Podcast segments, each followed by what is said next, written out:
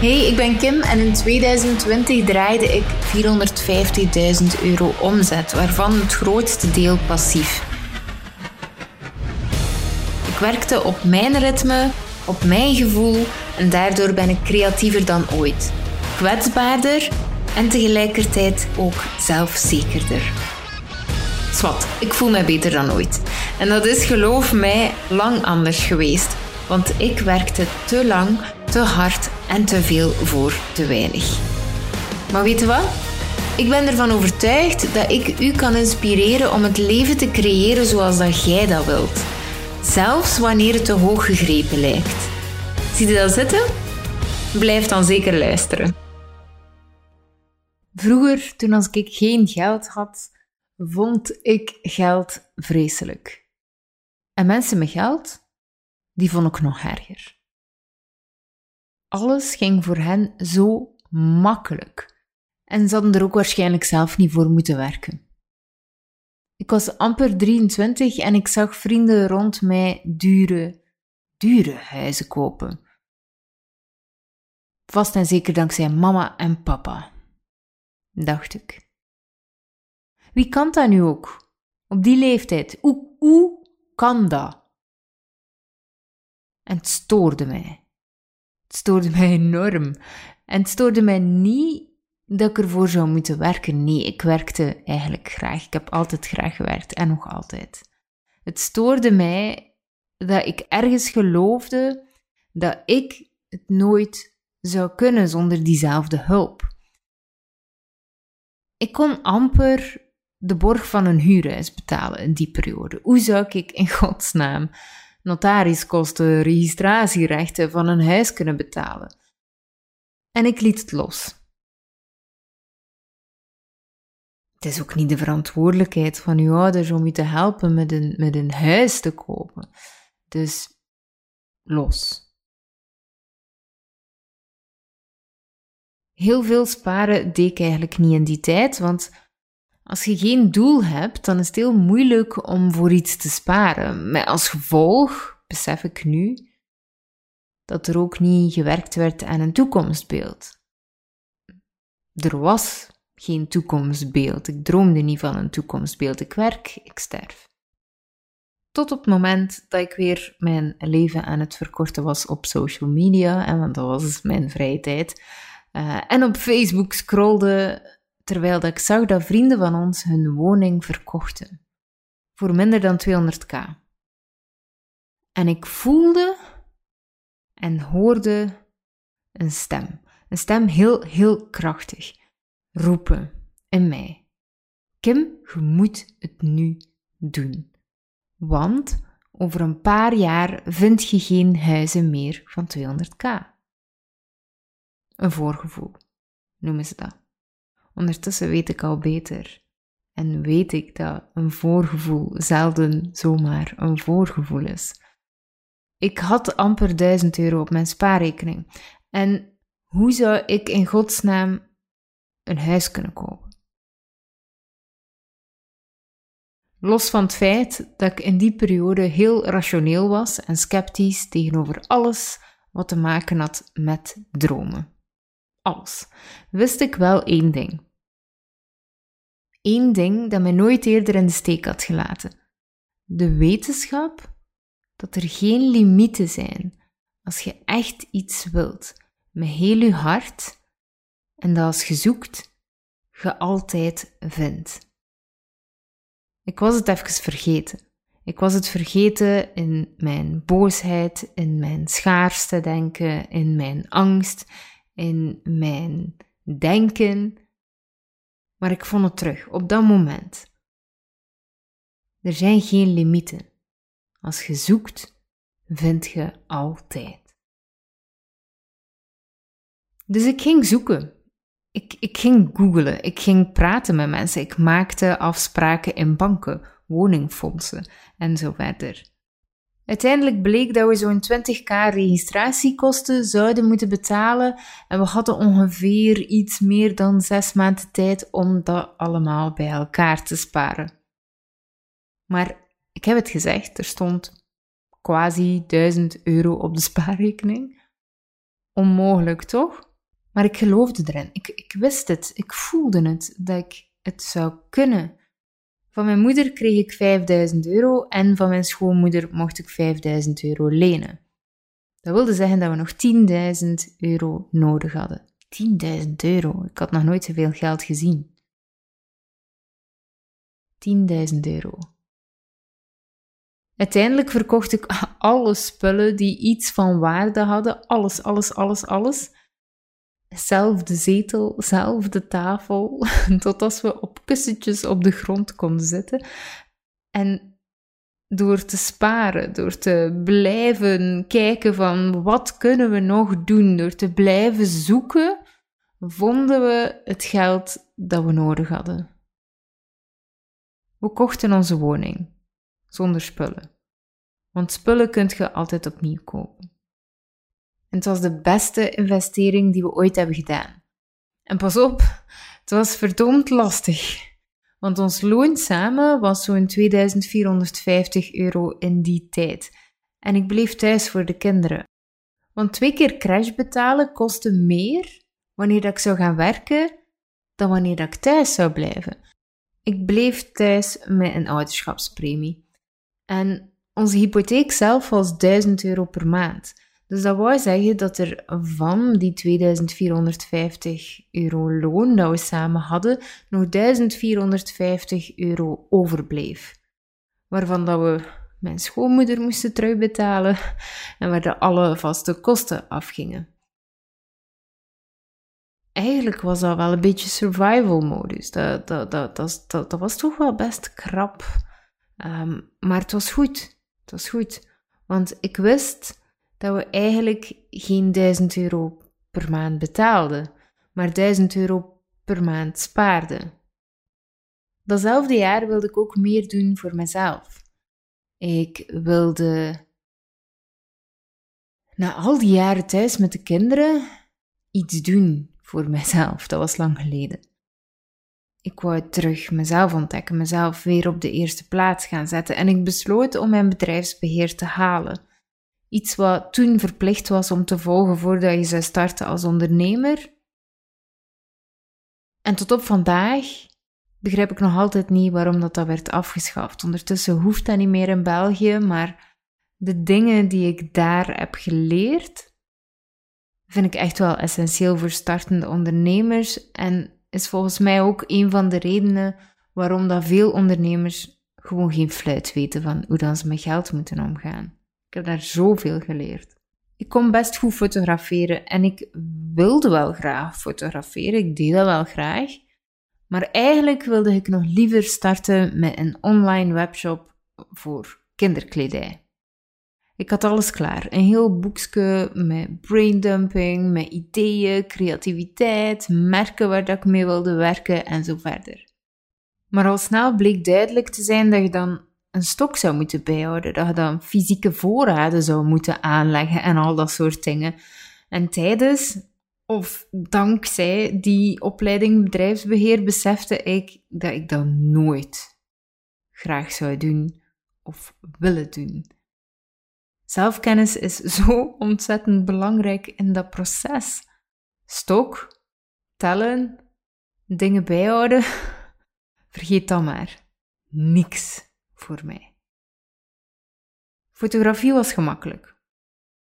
Voor fotografie heb je geen stok nodig. Je moet alleen maar rekening houden met je uren en je investeringen. Tada! Oké. Fotograaf worden, het is. En zo werd beslist. Ik werd zelfstandig. En dat ontplofte.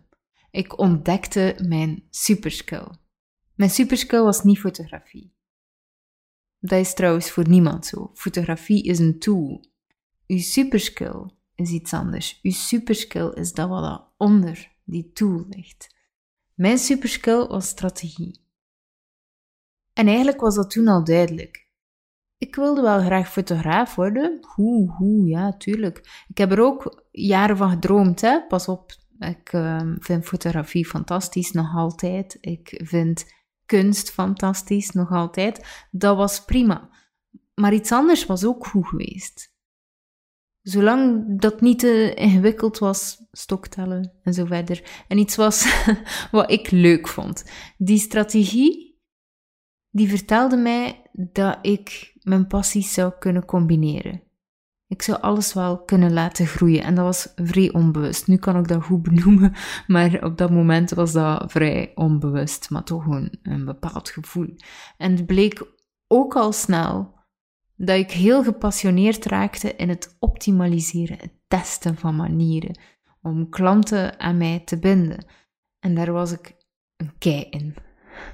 Mijn eerste jaar bediende ik misschien 500 of meer klanten en, en ik zag andere ondernemers al jaren bezig en amper aan klanten geraken. En bij mij was het, ging het vanzelfsprekend. Ik hoefde er amper iets voor te doen, of zo voelde het toch. Ik doorzag alles. Ik begreep wanneer dat ik iets fout deed en ik wist ook wanneer dat ik het zou moeten optimaliseren. En dat was eigenlijk het enige wat ik deed.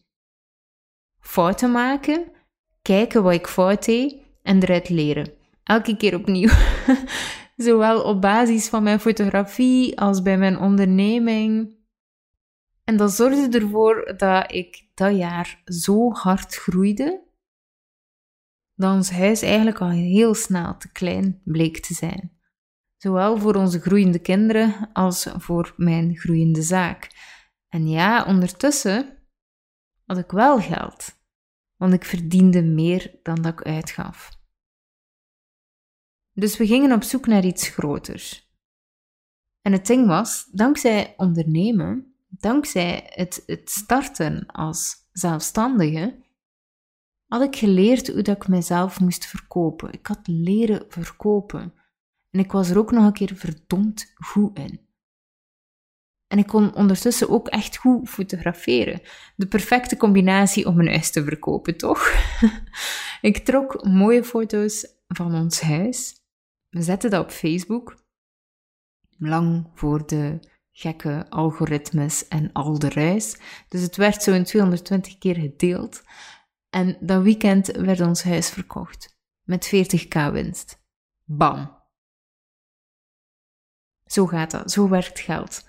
Eén jaar en een half later. 40k winst. Bam. Het strategische investeringsbrein van mij riep: Kim, als je nu een woning koopt, zorg dan dat het een mooie, moderne, unieke woning is. Eentje waar dat je geen werk aan hebt, dat je op je gemak bent en dat wanneer dat je het ooit verkoopt, dat je niet verdwaald raakt in de ruis. Dat je huis makkelijk van de markt geraakt. Simpelweg omdat het uniek is. En deze keer graag met een tuin en een praktijkruimte graag.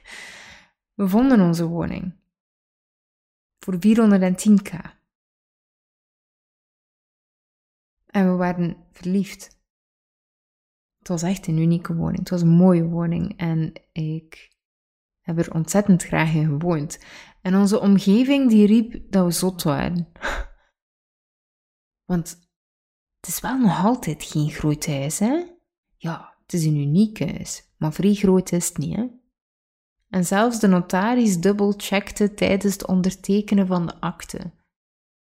Is, is dat echt de prijs voor die oppervlakte?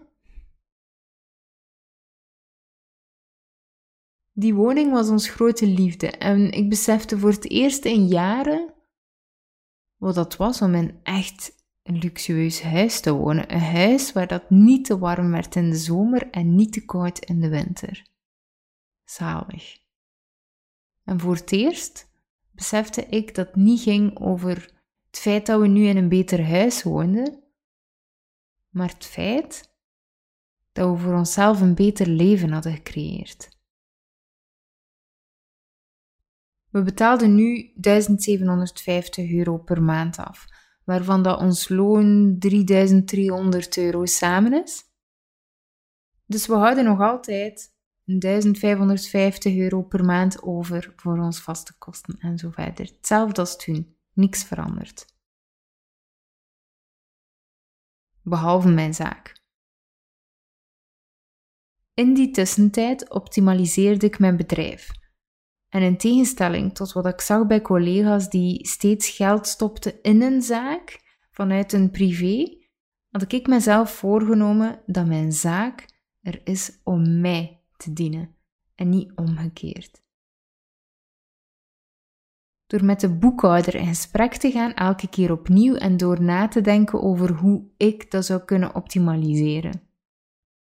En nu weet ik zeker dat er een paar mensen aan het luisteren zijn met geldblokkades. Ik was zelf vroeger zo.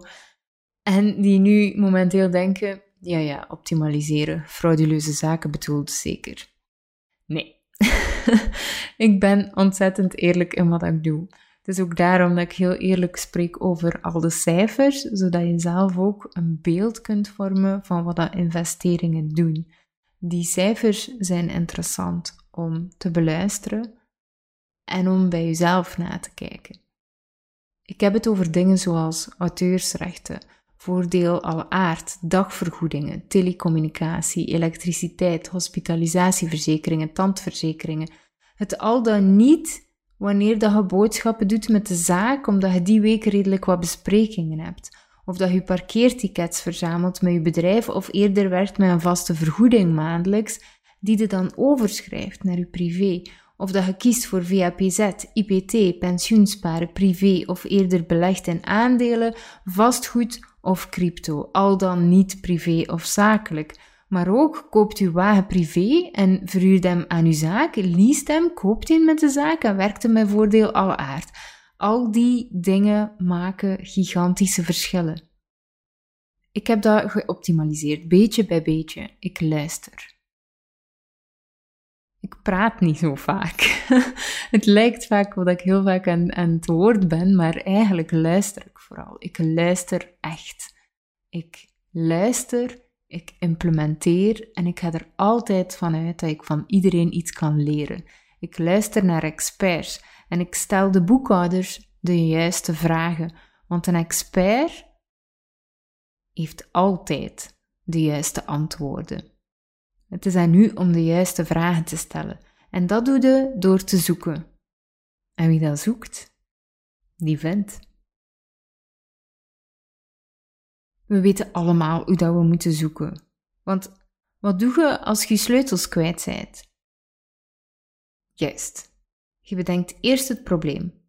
Ik ben mijn sleutels kwijt en ik heb ze nog nodig om de voordeur op slot te doen, maar ook om de auto te starten. Daarna ga je aan de slag met een oplossing. Heb ik nog een extra paar sleutels? Waar heb ik ze het laatst gezien? Waar zou ik ze kunnen gelegd hebben? Je doet al je stappen opnieuw en je weet dat, ze, dat je ze alleen vindt als je de rust neemt om erover na te denken. Als je gaat beginnen roepen tegen je wederhelft en zegt, heb je weer al mijn sleutels weggelegd? En je begint ruzie te maken, dan is de kans een pak kleiner dat je ze gaat vinden. En ergens van binnen weet je dat. Het is hetzelfde met een expert raadplegen. Schetst hoe dat je business werkt. Vertel hem of haar hoe dat je leven eruit ziet. Toon het aan de expert en vraag het. Zijn er optimalisaties voor dit? Wat kan ik best doen voor dat? En zo komt je stuk voor stuk bij waar dat je moet zijn. Elke expert deelt zijn geheimen heel graag met u. Want dat is die zijn missie. Ik heb uren vertoefd bij notarissen, fiscalisten, advocaten, boekhouders, telkens met opnieuw dezelfde mindset. Teach me, please. Dat wil dus zeggen dat ik op dit moment nog altijd de 1550 euro overhoud na aftrek van die hypotheek, maar ik heb amper kosten. Ik heb amper de kosten die ik in het begin had. Dat is allemaal geoptimaliseerd. En daarnaast gingen we nog eens rekenen, nog een optimalisatie. Optimalisaties op alle fronten. Hoeveel kost me nu eigenlijk een loondienst? Ja, je hebt het goed gehoord. Hoeveel kost het om een gezinslid fulltime te laten werken? Die berekening hebben we niet zomaar gedaan. Dus niet omdat wij uitermate slim waren en heel veel inzicht hadden. Nee.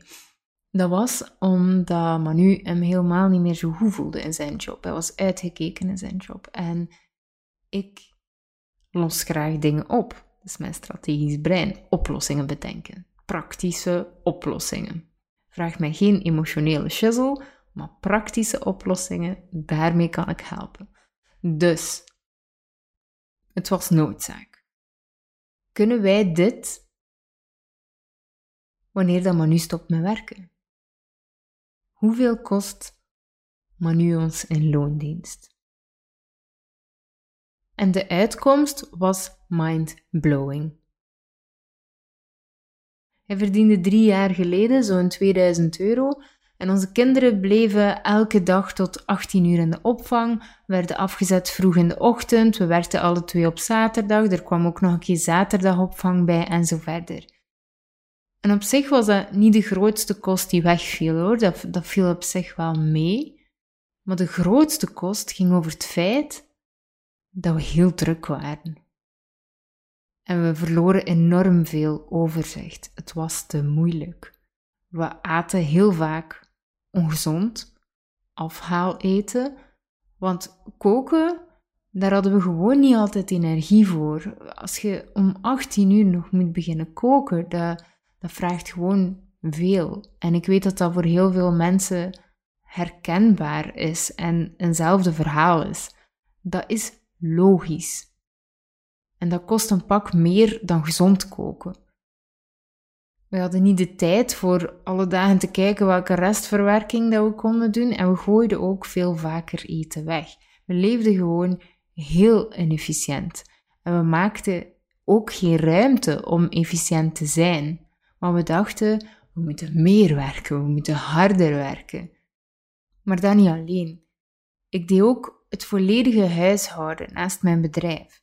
Ik had twee personeelsleden en een team van ongeveer 10 freelancers die ik taken moest geven. Ik hield 101 ballen in de lucht en doordat Manu niks opving thuis, niet omdat, niet omdat hij dat niet wilde uiteraard, maar gewoon omdat hij buiten huis werkte en ik niet. Dus ik kon het er makkelijker tussen nemen, tussendoor.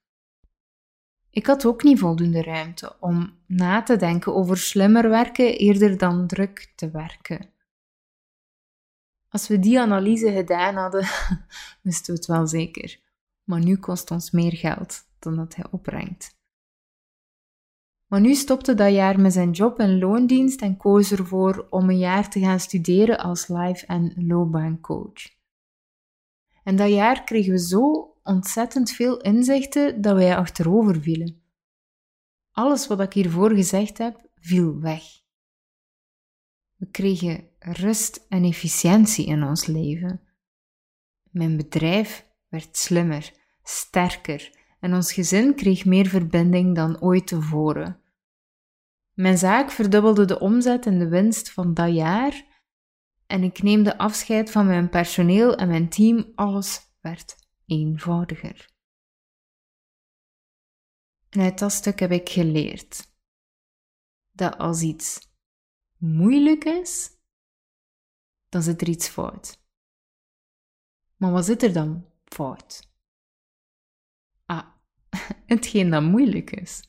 Dus hoe optimaliseer ik, automatiseer ik, elimineer of delegeer ik dat stuk? Dat is de vraag die ik mezelf stel. En repeat. Dat is eigenlijk het enige dat ik doe. Vijf jaar later verkochten we onze woning aan 470k. 60.000 euro winst. En pas op, we hebben wel wat investeringen gedaan, we hebben wat malchance gehad, we hebben een brand gehad en zo verder. Dus de winst was een pak kleiner deze keer. Maar we hebben wel vijf jaar aan een stuk 1750 euro per maand gespaard en onze investeringen teruggekregen. In ruil kochten we een grond. We zouden bouwen dit keer. De woning die we erop bouwden kostte 1,4 miljoen. Mindblowing, again. En ik heb dat lang niet durven zeggen tegen mensen. We hebben een huis gebouwd van 1,4 miljoen. Omdat ik elke keer die blik kreeg. Dezelfde blik als dat ik vroeger um, gaf aan mensen die een huis kochten. Een duur huis. en dezelfde blik van mensen die we kenden. Zit je er zot zeker? Alleen, ik ben niet zot. Ik denk na. En waarom dat ik je allemaal zulke dingen vertel, is omdat er zoveel meer achter zit. Deze keer kochten we de woning met de zaak. En dat wil niet zeggen dat jij dat moet doen. In de meeste gevallen is dat niet interessant. En je moet heel goed afwegen wat de voor- en nadelen zijn met je bedrijf. Niet alleen in gesprek gaan met je boekhouder, maar ook met de notaris afstemmen voordat je hierin ook echt een keuze maakt. En in dat geval stel de vragen zoals: wat als we ons huis verkopen binnen x aantal jaar? Wat als ik sterf? Zodat je je gezin veilig stelt. Want het is ganz andere voorwaarde als je het met je zaak koopt, in tegenstelling tot als je het privé koopt en zo verder. Maar we hebben dat allemaal gedaan en het bleek interessanter om in ons geval de woning met de zaak te kopen, te bouwen. We kochten ons huis met de zaak voor 99% en 1% privé. Hoe dat, dat allemaal in elkaar zit, moet je zelf uitzoeken. En remember, doe dit niet zomaar, want in de meeste gevallen is dit niet interessant. Wij werken dan met voordelen alle aard als privépersoon. En onze hypotheek zelf zal waarschijnlijk rond de 4500 euro zijn. Mensen schrikken daarvan. Maar wat dat mensen vergeten, is dat dit een optimalisatie is van acht jaar aan investeren in vastgoed. Maar niet alleen in vastgoed, investeren op alle fronten. Optimalisatie, eliminaties en keuzes vooraf. Kopen we een huis, knappen we het op. En, en als we dat huis dan kopen, heeft dat dan ook alles wat dat wij nodig hebben voor ons ideale leven. Na een zoektocht bleek dat eigenlijk niet het geval en bij elke ronde kwamen we terug op hetzelfde feit. Bouwen gaat ons een ideale situatie en een mooiere investering opleveren. Alleen doen veel mensen die analyse zelfs niet. Ze zitten constant met limiterende gedachten dat het te duur is, dat het niet kan, zonder ooit verder te kijken dan een neus lang is. Nog voordat we eigenlijk definitief plannen hadden, waren we aan het kijken hoe dat we ervoor zouden kunnen zorgen dat onze hypotheek zichzelf zou kunnen aflossen. Optimalisaties. Ons eerste plan daarin was om een vergaderruimte te starten in onze woning. De huurprijzen hiervan zijn mooi en onze hypotheek zou makkelijk terugbetaald kunnen worden en daarnaast zouden we er nog winst aan overhouden. Alleen beseften we wel na een paar weken dromen dat dat zou betekenen dat we een nieuwe business zouden moeten opstarten. Want een vergaderruimte verkoopt zichzelf niet. Een nieuwe website, Instagram-pagina, zichtbaarheid, schoonmaken als die mensen geweest zijn, zorgen voor lunches en zo verder. En eigenlijk was dat ons allemaal veel te veel gedoe. Uiteindelijk kwamen we tot de constatatie dat, dat ons dat volledig zou leegzuigen. En ook daarin moet je gewoon eerlijk zijn met jezelf en jezelf goed kennen. Wil ik dat wel echt? Is het mijn intuïtie dat spreekt of mijn ego? We pasten ons idee aan en we bleven optimaliseren, bleven nadenken en uiteindelijk kwamen we bij househacking.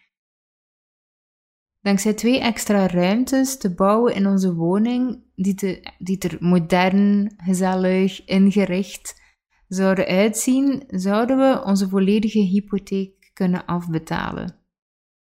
Net gepast, geen winst of zo. Dat weten we omdat we hier ervaring mee hebben. Dus ik weet ondertussen ook wel wat dat wel en niet kan, want wij verhuren onze eigen woning ook momenteel als wij op reis gaan. Ja, maar wat als mensen niet stuk maken of, of als ze iets stelen? En wel, de, de meeste mensen deugen. Ik heb het nog niet meegemaakt. En je kunt ook kiezen wie dat wel en niet aanvaardt. En daarbij kun je ook kijken of de persoon goede recensies kreeg, of dat er een identiteitsverificatie is. Je kunt een borg vragen. Dus chill. Dat is echt wel oké.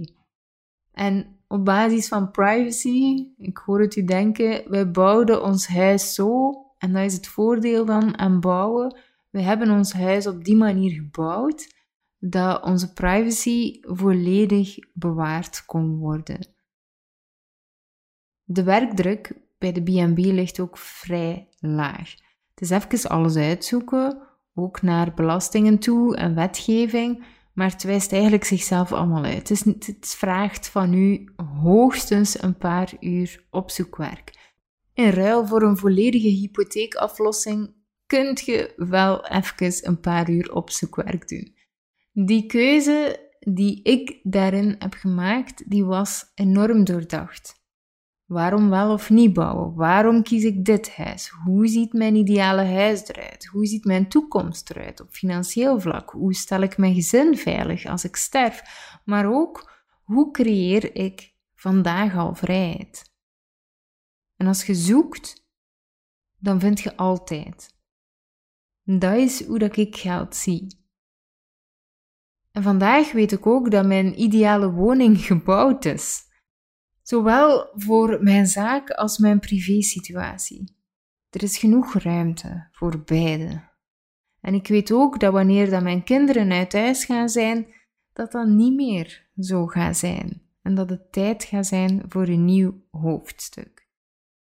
Maar tot die tijd ga ik niet meer optimaliseren in mijn eigen woning of mijn eigen ideale woning, want ik heb ze al, maar investeren in extra woningen. Want ik hoef geen hypotheek af te betalen. Nu, vandaag heb ik één strategie meegegeven, de strategie op basis van vastgoed. Maar ik doe dat op alle fronten. Ik heb het gezien. Ik analyseer alles, niet alleen op basis van vastgoed. En op die manier laat ik mijn geld groeien. Niet een klein beetje, maar exponentieel.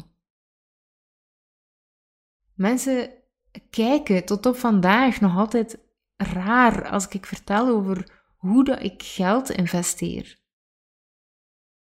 En anderen gaan er altijd wat van vinden als je je hart gaat gaan volgen.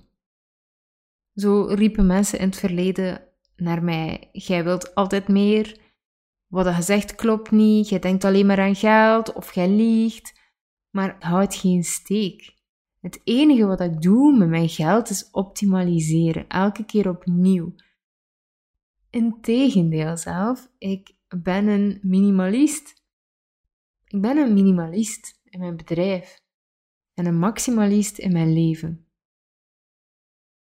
En ik maak het niet moeilijker dan dat is. Ik versimpel mijn leven elke keer opnieuw.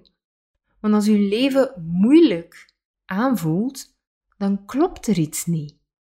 Leven hoort simpel aan te voelen.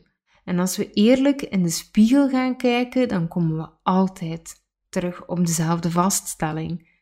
Een ideaal leven gaat altijd over eenvoud en dingen weghalen, eerder dan dingen bijnemen.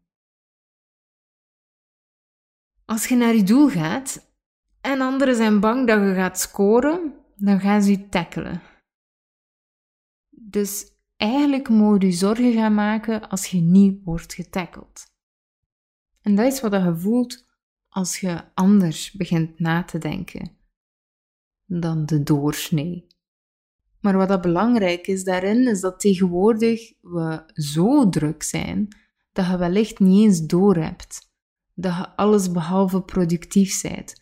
Dat het je geld kost omdat je fulltime je kloten aan het afdraaien bent? Leeft je wel echt in alignment met je levensmissie of blijf je al maar doelen en dromen uitstellen, waardoor dat je laat afleiden om trouw te leven aan je levensmissie? Wat zou je graag willen doen, maar wat doen we nog niet? Zouden je tijd en je energie nuttiger kunnen managen? Er zijn geen limieten. Je kunt alles doen wat je wilt. Want op ieder level kun patronen doorbreken om een shift te maken. En hiervoor is nooit, nooit een gebrek aan middelen. Alleen een gebrek aan creativiteit. En dat is voor iedereen anders. Ik ben graag thuis. Dus voor mij was vastgoed een logische eerste keuze om mee te beginnen. Maar ik zei het al, ik, ik doe het op alle fronten en dat is de reden dat het exponentieel groeit.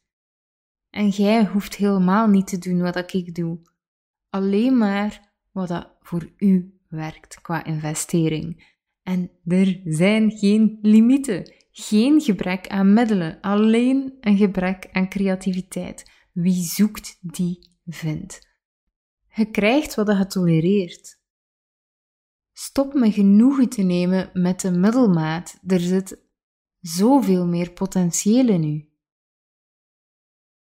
De eerste stap naar een vol leven is dat je standaard gaat verhogen en vooral geen onzin meer gaat accepteren.